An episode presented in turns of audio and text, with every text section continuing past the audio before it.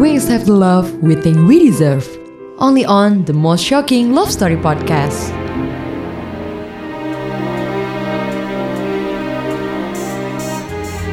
Nama gue Samudra. Gue udah gak bisa lagi ngitung berapa banyak perempuan yang udah singgah dalam hidup gue. Ada yang bertahun-tahun, atau hanya hitungan bulan, minggu, atau hari. Sebelum mereka nemuin persinggahan berikutnya. Gue tuh bukannya pengen main-mainin cewek. Tapi kalau di hati udah gak ada rasa, bukannya lebih baik mudahin yang ada. Terus lanjut deh ke pertaruhan berikutnya. Gue gak malu ngakuin kalau gue beberapa kali jatuh cinta. Gue juga pernah ngerasain yang namanya ditinggal pasangan. Yang diudahin gitu aja dengan alasan yang kayak kita udah gak sejalan lagi. Atau orang tuaku gak setuju dengan hubungan kita. Atau aku gak bisa kalau kamu gak pindah agama. Gue juga pernah patah hati. Ngurung diri berminggu-minggu di kamar cuman ngeliatin langit-langit sambil nyiksa diri dengerin lagu-lagu galau. Mungkin sama seperti kalian para perempuan yang meraung-raung ditinggal pasangan. Laki-laki juga bisa patah hati. Bedanya, kami nggak meraung-raung. Nggak berkeluh kesah, chatting atau teleponan berjam-jam dengan sahabat. Gue nggak mau lagi jatuh cinta. Jatuh cinta tuh cuma buang-buang energi. Setelah beberapa kali jatuh cinta dan patah hati, saat paling menyenangkan buat gue tuh cuma masa-masa PDKT di mana sebuah hubungan baru akan dimulai. Di mana kita baru menyadari kehadiran seseorang di salah satu belahan bumi, di mana kita baru tahu wujud, nama, umur, rasi bintang, dan semua jejaring sosial yang dia punya. Di mana pembicaraan baru aja dimulai, berawal dari apa pun itu. Kesamaan minat, profesi, atau sekedar gaya tarik-menarik bagaikan magnet yang disebabkan oleh entah apa nggak ada yang lebih indah dibandingkan masa PDKT. Masa-masa baru saling kenal dan menggali karakter seseorang, masa-masa penuh ketidakpastian dan menebak-nebak apakah dia punya perasaan yang sama seperti kita. Apakah dia punya keinginan dan harapan yang sama seperti kita. Dan masa-masa ini akan diakhiri dengan sebentuk kegiatan fisik, entah itu hanya sekedar ciuman atau malah berakhir di tempat tidur. Setelah sampai di tahap ini, maka biasanya lo udah bisa sedikit meraba-raba apakah hubungan ini akan menjadi serius atau tiba-tiba lo sadar bahwa ini semua gak lebih dari penasaran. Apakah lo termasuk orang yang mengandalkan rasa penasaran? Gue mungkin salah satu dari mereka yang bertindak hanya dari rasa penasaran. Rasa ini telah ribuan kali ngebawa gue bertualang ke dalam berbagai kisah Sebegitu dahsyatnya rasa penasaran ini, sampai akhirnya hanya ada satu fase dalam hidup yang gue harap gak akan pernah berakhir. Fase penasaran. Penasaranlah yang ngasih gue makan. Penasaran yang bikin gue menikmati hidup. Gue Samudra. Siapa sih yang berani naklukin gue? Gak ada.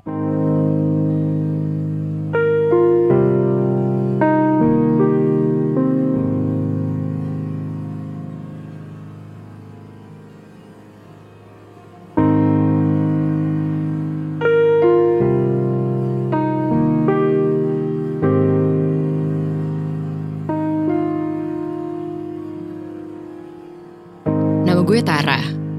Dulunya gue ngerasa nggak pernah dilihat orang.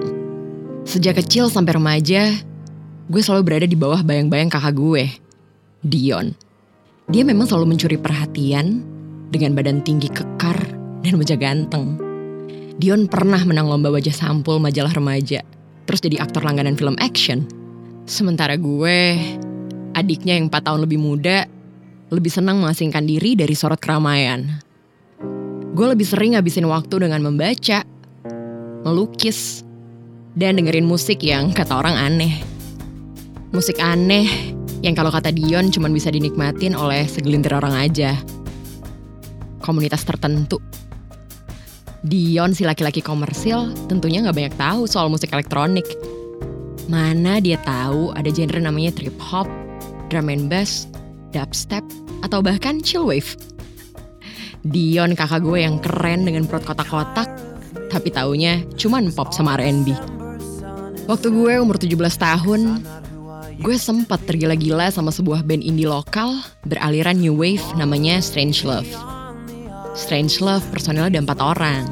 Yang paling gue suka tuh drummernya, namanya Samudra. Di satu kesempatan gue kenalan sama Samudra dan personil band yang lain. Gue sih berusaha nggak terkesan kayak grupi. Kesan pertama ketemu Samudra, dia orangnya nggak banyak ngomong meski murah senyum. Dia juga sering kali tersenyum dengan matanya. Dan dia suka menatap mata lawan bicaranya. Sehingga yang diajak ngomong tuh bisa jadi salah tingkah. Atau cuman gue ya yang ngerasa kayak gitu. Setelah itu gue udah gak pernah ketemu lagi sama Samudra. Dunia kami jelas beda. Gue waktu itu masih SMA, dan dia waktu itu aja umurnya udah 25. Gue dua kali pacaran serius, tapi hubungan gue dua-duanya bubar Terus waktu umur gue 22, gue kenalan sama Arsa di konser Morrissey di Jakarta. Gue udah sering denger namanya di berbagai forum dan komunitas. Arsa kerja di sebuah radio swasta terkenal ibu kota sebagai music director. Kalau lo tahu, lagu-lagu yang diputar oleh penyiar di sebuah radio itu adalah pilihan seorang music director yang bertanggung jawab atas semua lagu yang diputar di radio. Arsa ini tuh udah ngetop banget di kalangan dunia peradioan. Gue mengagumi Arsa karena selera musiknya. Karena dia selalu ngebuat kejutan dengan lagu-lagu yang jarang diputar di radio-radio lain. Lagu-lagu yang mungkin awalnya asing di telinga. Tapi kalau lo punya selera musik yang bagus, pasti lo akan seneng sama edukasi musiknya Arsa. Sejak kenalan sama Arsa di konser itu, sejak itu juga dia jadi bagian dari hari-hari gue. Baru kali ini gue bisa ngebahas bareng seseorang tentang segala hal sederhana yang mungkin bagi orang-orang kebanyakan terdengar aneh dan gak masuk akal. Contohnya nih ya, seperti kenapa manusia bisa mimpi rasanya lama banget, mengalami begitu banyak deretan kejadian yang rasanya bisa ngabisin waktu berjam-jam, padahal sebenarnya dia cuma tidur selama lima menit. Atau kenapa kata pernikahan dan komitmen terdengar memuakan ketika kita diharuskan ngabisin sisa hidup sama satu orang aja, sementara kita akan selalu ngerasa ada ketertarikan sama orang-orang baru. Gue nggak tahu apa namanya hubungan gue sama Arsa ini. Dibilang pacaran, tapi dia ngebolehin gue untuk jalan sama cowok-cowok lain. Bahkan sama mereka yang naksir gue. Dibilang gak pacaran, tapi gue sering banget ngabisin waktu di kamarnya. Arsa tuh emang gak pernah ngebahas cewek lain. Gue yakin selama setahun belakangan ini, cuman gue satu-satunya cewek yang satu tempat tidur sama dia. Hubungan gue sama Arsa adalah hubungan yang sangat tidak menghabiskan energi hati, mungkin hanya energi fisik. Karena kami memiliki ketertarikan seksual yang luar biasa satu sama lain.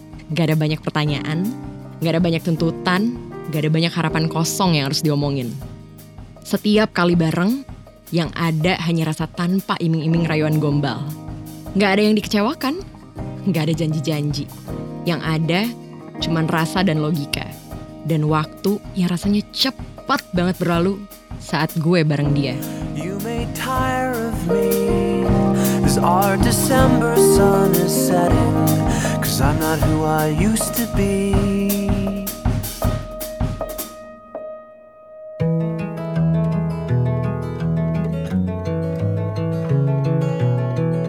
Banyak orang ngirin gue sombong, Padahal gue cuma gak banyak ngomong. Kalau lo udah kenal karakter gue yang sebenarnya, pasti lo akan sering ketawa. Karena gue tuh orangnya lucu, kocak, nyenengin. Gue suka musik sejak kecil. Gue gak bisa main musik, tapi gue penikmat musik sejak kecil. Kaset pertama gue The Beatles yang dibeliin bokap gue waktu gue kelas 3 SD. Masa kecil gue isinya video-video musik dan film-film The Beatles yang dikoleksi sama orang tua gue dalam format Betamax. Besar di akhir tahun 80-an dengan musik new wave seperti Duran Duran, AHA, New Order, dan waktu umur 14 tahun, gue mulai sering dengerin radio. Gue pikir yang milih lagu-lagu yang diputar di radio tuh penyiar. Sampai akhirnya gue tahu bahwa itu pekerjaan musik director. Gue bang udah pengen jadi musik director radio sejak gue masih remaja. Perjalanan menuju profesi ini nggak mudah pada awalnya. Gue dibesarkan di keluarga yang menganggap seseorang itu sukses kalau dia itu dokter, arsitek, atau bahkan pengusaha. Kerja di media tuh gak masuk standarisasi mereka tentang seseorang yang sukses. Gue beruntung, akhirnya orang tua gue bisa ngerti dan ngedukung karir gue. Meski akhirnya gue sukses dalam karir, tapi dalam hal percintaan, gue gak begitu beruntung. Berkali-kali gue pacaran, berkali-kali juga gue dikecewain. Gue punya kebiasaan nulis semua detail karakter cewek yang pernah berhubungan sama gue. Baik yang pacaran, tanpa status, maupun sekedar iseng doang. Kebaikan dan keburukan sifat mereka, gue tulis semuanya di buku rahasia yang gak pernah gue kasih lihat ke siapa pun. Mungkin ini kedengarannya gak masuk akal buat lo. Tapi gue tuh percaya banget sama zodiak. Gue tahu zodiak mana aja yang cocok sama gue atau sebaiknya gue hindari kalau mau gue jadiin pacar. Di dalam buku rahasia ini ada 30 nama. 29 nama datang dan pergi, sampai akhirnya semua pergi. Nama ke-30 adalah dia yang udah setahun terakhir ini ngisi keseharian gue. Dia hadir dalam semua dunia digital gue, di WhatsApp, DM Instagram. Dia juga satu-satunya cewek yang selalu gue tunggu kehadirannya di kamar gue. Nama yang membuat sebuah hubungan jadi menyenangkan karena gak ada tuntutan di dalamnya, tanpa kerumitan, tanpa drama. Tara.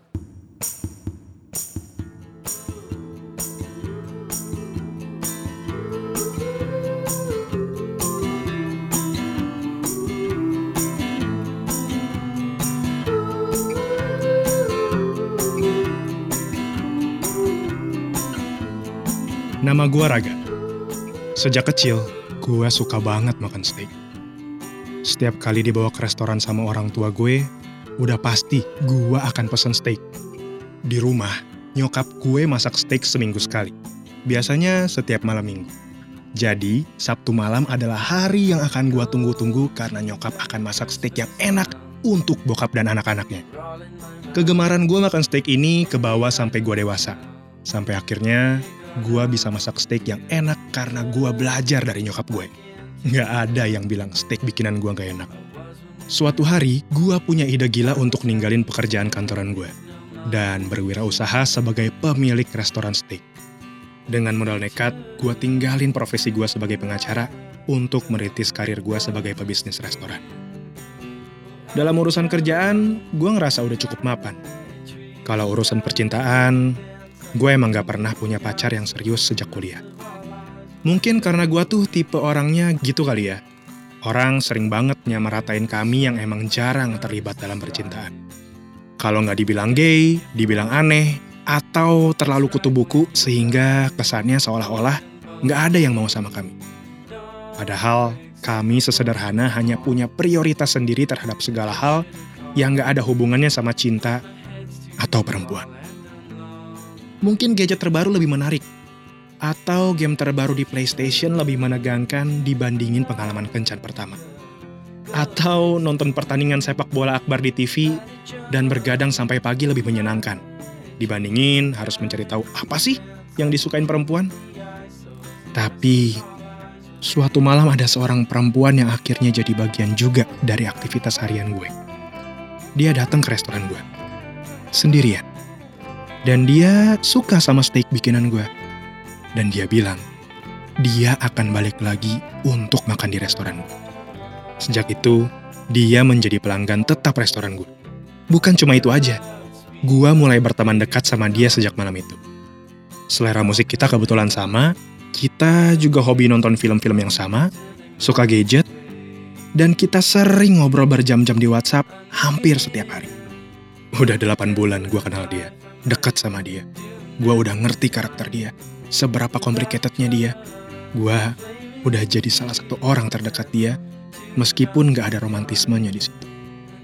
Namanya Tara. So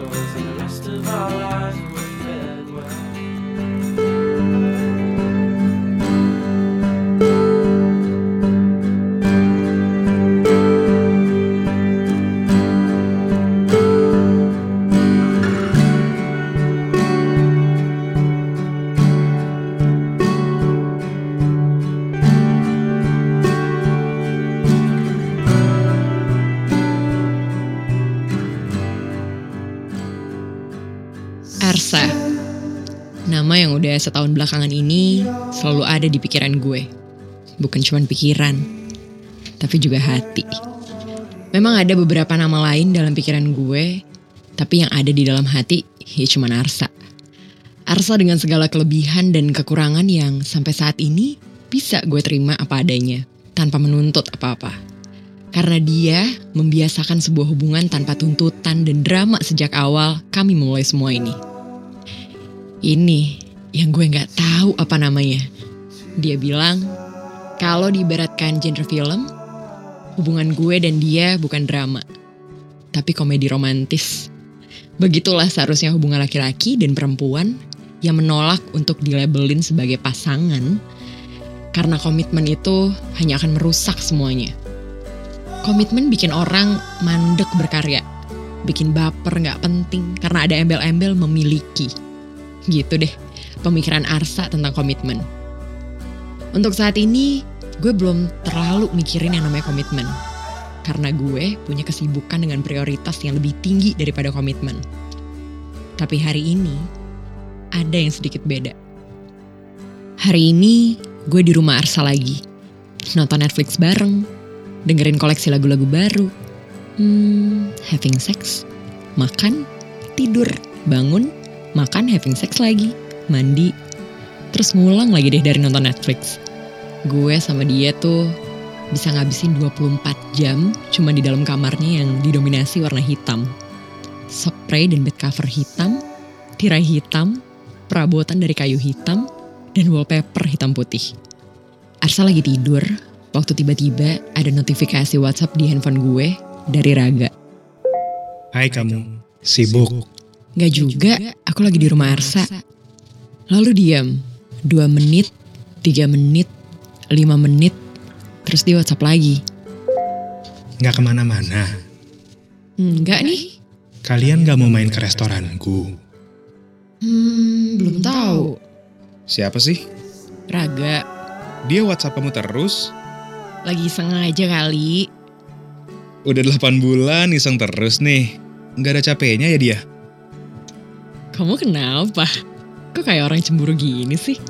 Cemburu? Aku tuh udah gak kenal arti cemburu. Mau seberapa banyak orang yang suka sama kamu, aku gak akan cari tahu atau berusaha menangin hati kamu. Karena aku udah tahu pilihan kamu. Pede banget sih kamu. Emangnya aku pilih siapa? Masih harus ditanya. Eh, bandel ya tangannya. Hmm, bajunya boleh dibuka lagi nggak? Ih, dasar.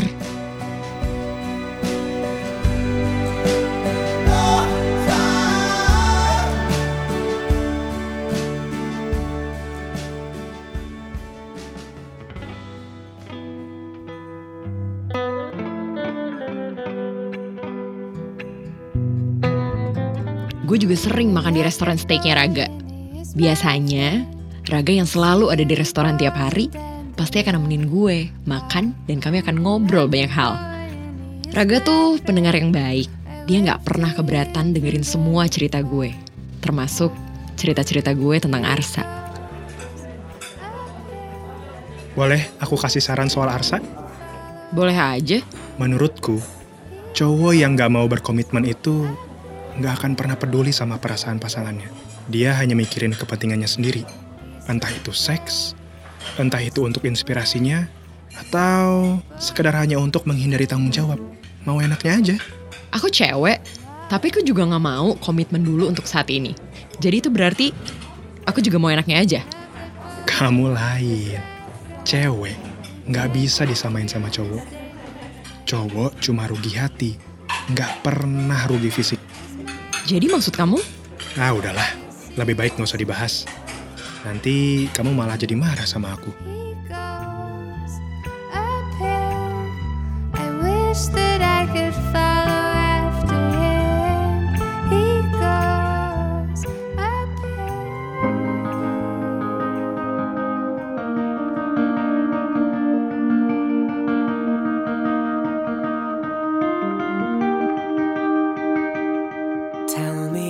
Raga, dengan segala pemikiran negatif tentang Arsa.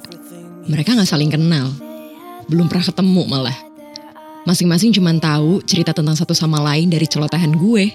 Yang kadang sulit untuk gak ngebahas hal-hal yang seharusnya gak perlu dibicarakan di depan dua cowok yang lagi deket sama gue.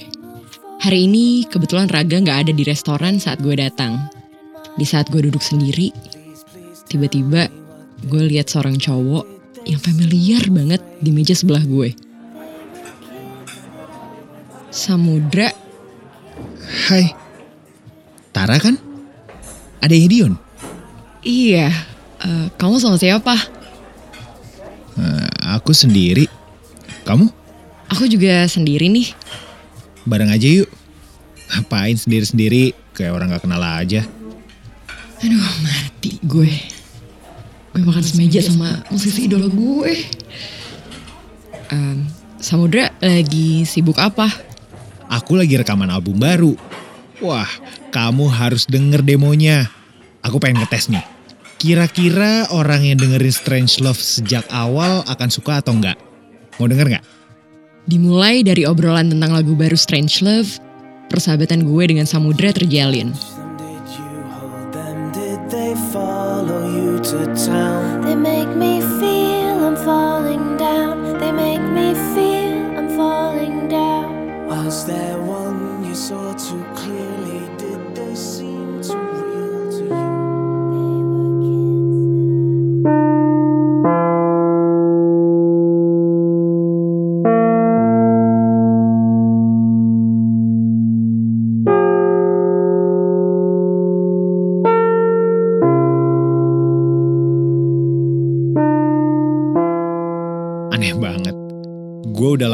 sama Tara, tapi baru setelah 2 tahun gue bisa bener-bener ngobrol dan kenal karakternya lebih jauh. Tara menyenangkan. Dia orangnya cukup terbuka dan mau ngobrolin begitu banyak hal. Termasuk hal-hal yang mungkin orang lain akan canggung membicarakannya sama orang yang baru dekat beberapa bulan. Percaya nggak? Gue drummer band indie milenial yang ngetop banget di Jakarta. Memang gue banyak ketemu grupis yang selera musiknya sama kayak gue. Tapi gue belum pernah satu kali pun ngedate atau deket sama mereka. Ada sesuatu yang berbeda dengan Tara. Tara yang cantik, menarik, dan kalem. Tara yang selalu bilang bahwa penampilan itu menipu. Bahwa apa yang ada di dalam kepalanya tidak sesederhana yang orang-orang lihat dengan kasat mata. Tara dengan pemikirannya yang rumit, sering kali gelap, yang selama ini dia tuangkan ke dalam lukisannya. Tentunya lo udah tahu hukum alam bahwa cowok dan cewek gak bisa murni bersahabat atau berteman dekat. Salah satu di antara keduanya pasti ada yang punya perasaan lebih. Entah suka tapi sulit ngedapetin, atau suka tapi malu ngungkapin. Karena yang satunya udah terlanjur menganggap temen. Atau mengungkapkannya tapi kemudian ditolak dan berusaha bertahan dengan label sahabat. Meskipun hati hancur karena yang disuka ternyata mencintai orang lain. Gue tuh suka banget sama Tara. Buat gue dia menarik dan menantang banget. Tapi gue tahu, mungkin gue gak akan punya kesempatan untuk rebut hatinya. Karena secara terbuka, dia udah cerita tentang dua cowok yang saat ini lagi deket sama dia. Yang satu namanya Arsa. Dia ini music director radio. Yang satu lagi namanya Raga yang punya restoran steak tempat di mana gue ketemu lagi sama dia. Kayaknya Tara suka banget sama Arsa. Sementara Raga ini, ya bisa dibilang temen yang ngarep deh. Sementara gue, gue nggak tahu yang gue rasain buat Tara ini suka sesaat, suka beneran, atau cuma penasaran. Yang udah-udah, gue selalu ngarepin balasan dan gue menerima balasan cinta dari semua cewek yang gue mau. Kali ini, Tara dengan dunianya sendiri yang udah mulai penuh sesak diisi oleh dua cowok yang memuja dia, berhasil bikin gue sadar kalau gue gak bisa selalu ngedapetin apa yang gue mau. Gue gak pengen ikut ambil bagian dalam permainan ini, dalam cinta segitiga ini. Tapi perasaan suka gue sama Tara berkata lain ini tuh bukan segitiga, ini segi empat.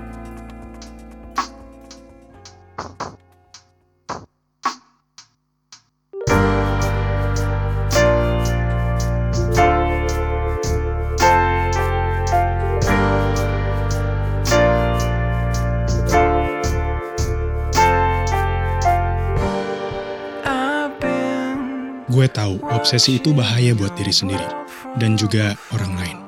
Obsesi itu nggak baik buat kesehatan. Bisa bikin kita lupa makan, lupa waktu, lupa kerjaan, lupa diri. Gue terobsesi sama Tara. Ya, gue nggak malu kok ngakuin itu.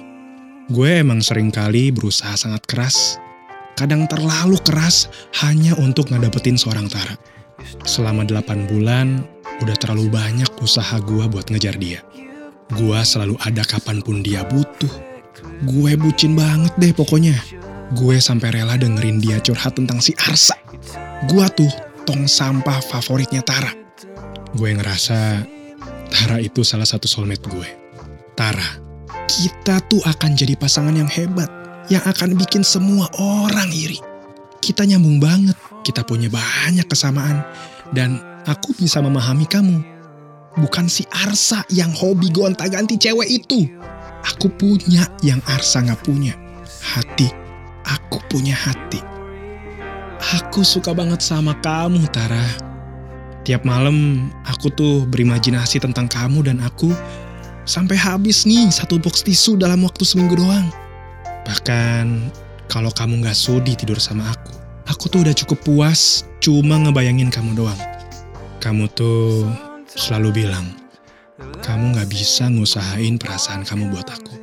Tapi aku masih berharap Arsa akan ninggalin kamu dan kamu akan jadi punyaku.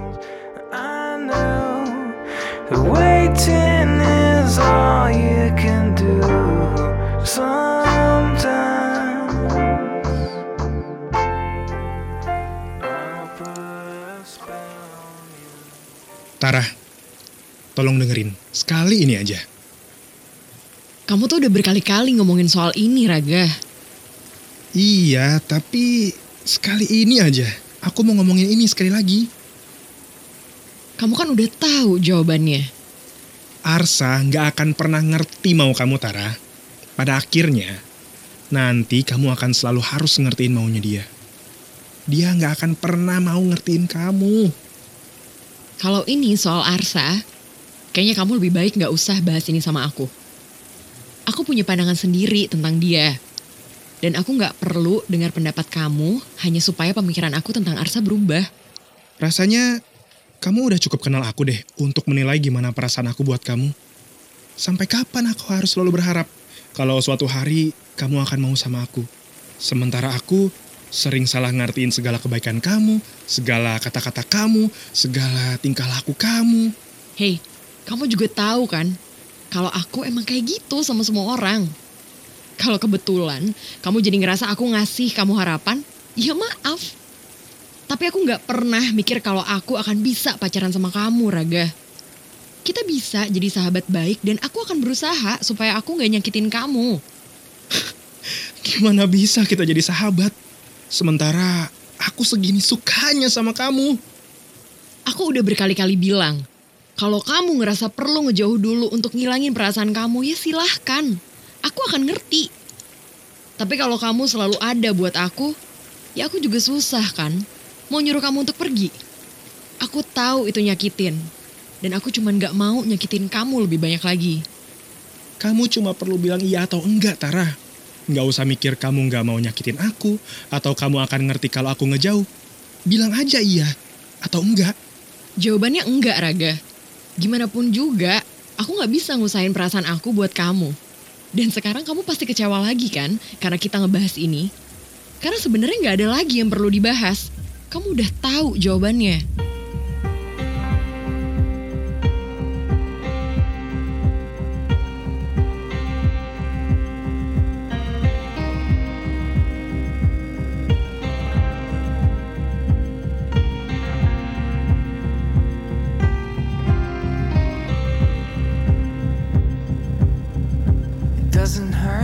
Hari ini, gue ketemu sama Arsa lagi. Sa, mau sampai kapan ya kita kayak gini? Sampai kita bosen. Kapan kita akan bosen? Tergantung. Bisa minggu depan, bulan depan, tahun depan, atau mungkin beberapa tahun lagi. Sebenarnya tanpa sadar, kita tuh udah ngejalanin komitmen di hubungan ini dengan cara kita sendiri. Iya emang open relationship. Tapi kenyataannya, aku nggak ngedate sama orang-orang lain. Aku emang sering pergi dengan beberapa cowok lain. Tapi bukan berarti aku ngedate kan sama mereka. Dan kamu juga tahu kan, aku nggak tidur sama cewek lain. Terus apa bedanya sama pacaran? Aku ngerasa hubungan kita nih udah pacaran banget. Cuman statusnya aja yang nggak ada. Aku pikir kamu juga nggak mau ada komitmen. Ya, untuk saat ini. Tapi aku nggak selamanya mau kayak gini. Aku juga punya keinginan sendiri buat masa depan aku. Emang apa sih yang kamu lihat di masa depan? Lima tahun lagi gitu misalnya. Lima tahun lagi, aku udah merit. Punya anak, tetap berkarya jadi pelukis, dan hidup tenang. Hmm, Hmm, kalau kamu, lima tahun lagi akan kayak apa? aku lima tahun lagi kayaknya masih kerja di radio. Tapi mungkin aku udah nulis buku atau skenario film. Single atau merit? Hmm, enggak. Enggak merit.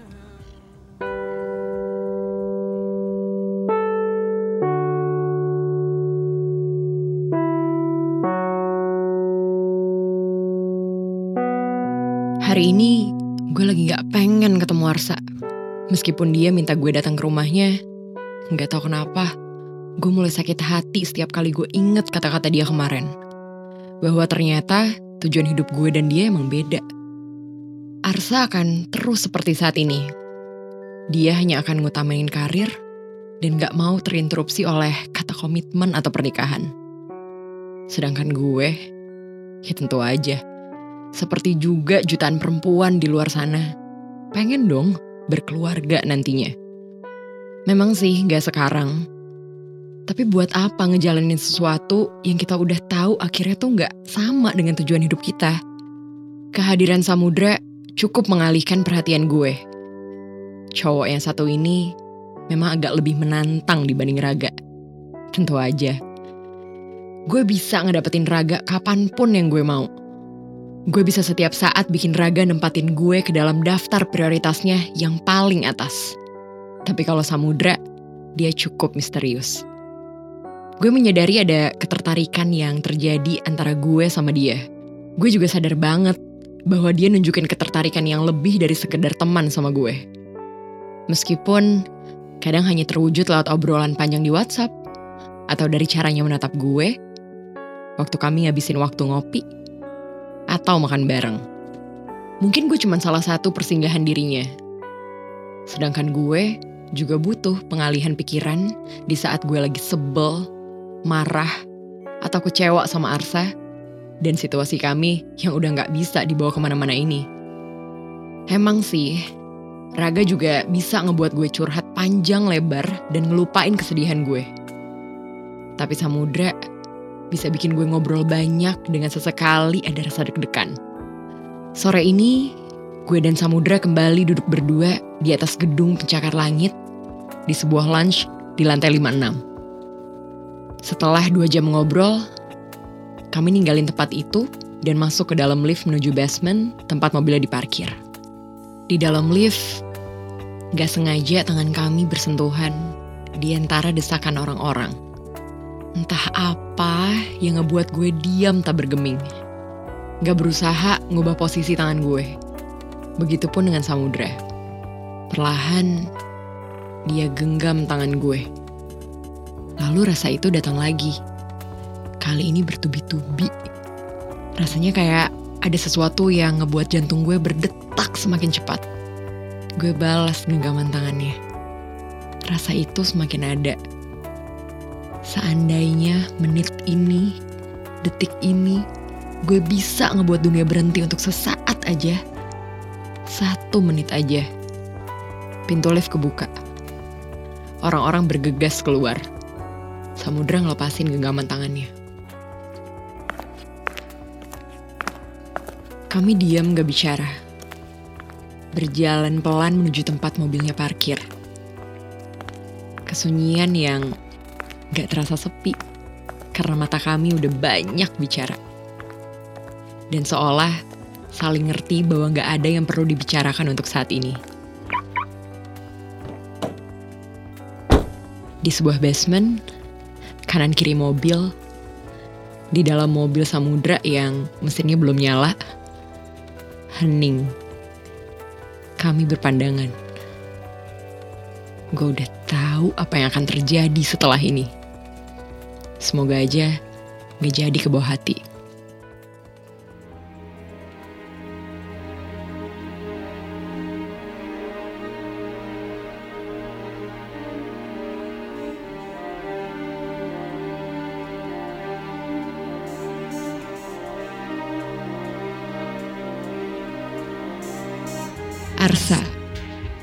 Dia akan selalu jadi belahan jiwa yang mungkin akan gue temui lagi di kehidupan berikutnya.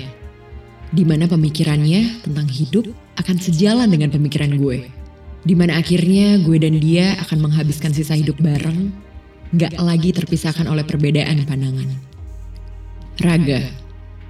Raga yang pengertian, yang selalu mau mendengarkan, yang selalu mau ngorbanin waktunya, selalu ngasih yang terbaik. Meskipun sampai sekarang gue nggak tahu pasti apakah dia melakukan semua itu untuk ngedapetin hati gue.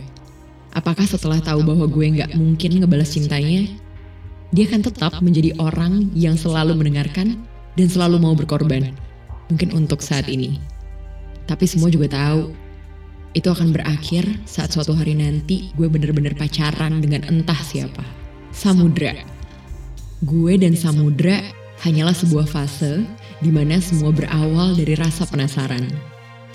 Dan ketika penasaran itu telah mencapai puncaknya, saat itu juga kita tahu apakah ini hanya sekedar rasa sementara atau sesuatu yang harus dipertahankan sampai ke tingkat yang lebih tinggi. Sesuatu yang sementara memang hanya indah untuk sepenggal masa aja. Itu udah cukup. Karena sesuatu yang indah bisa jadi nggak indah jika dipaksakan menjadi sebuah hubungan yang nggak seharusnya ada. Mungkin suatu hari nanti gue akan bisa memilih atau menemukan orang baru lagi. Ini cinta segi empat gue.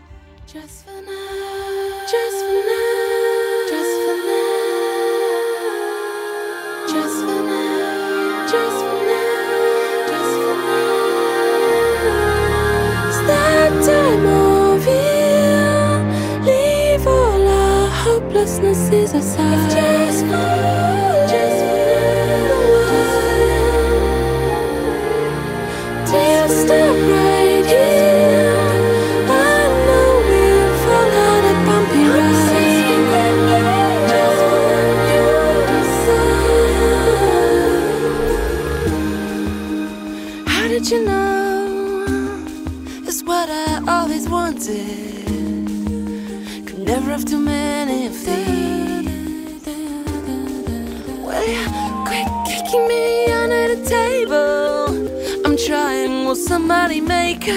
Shut up about it?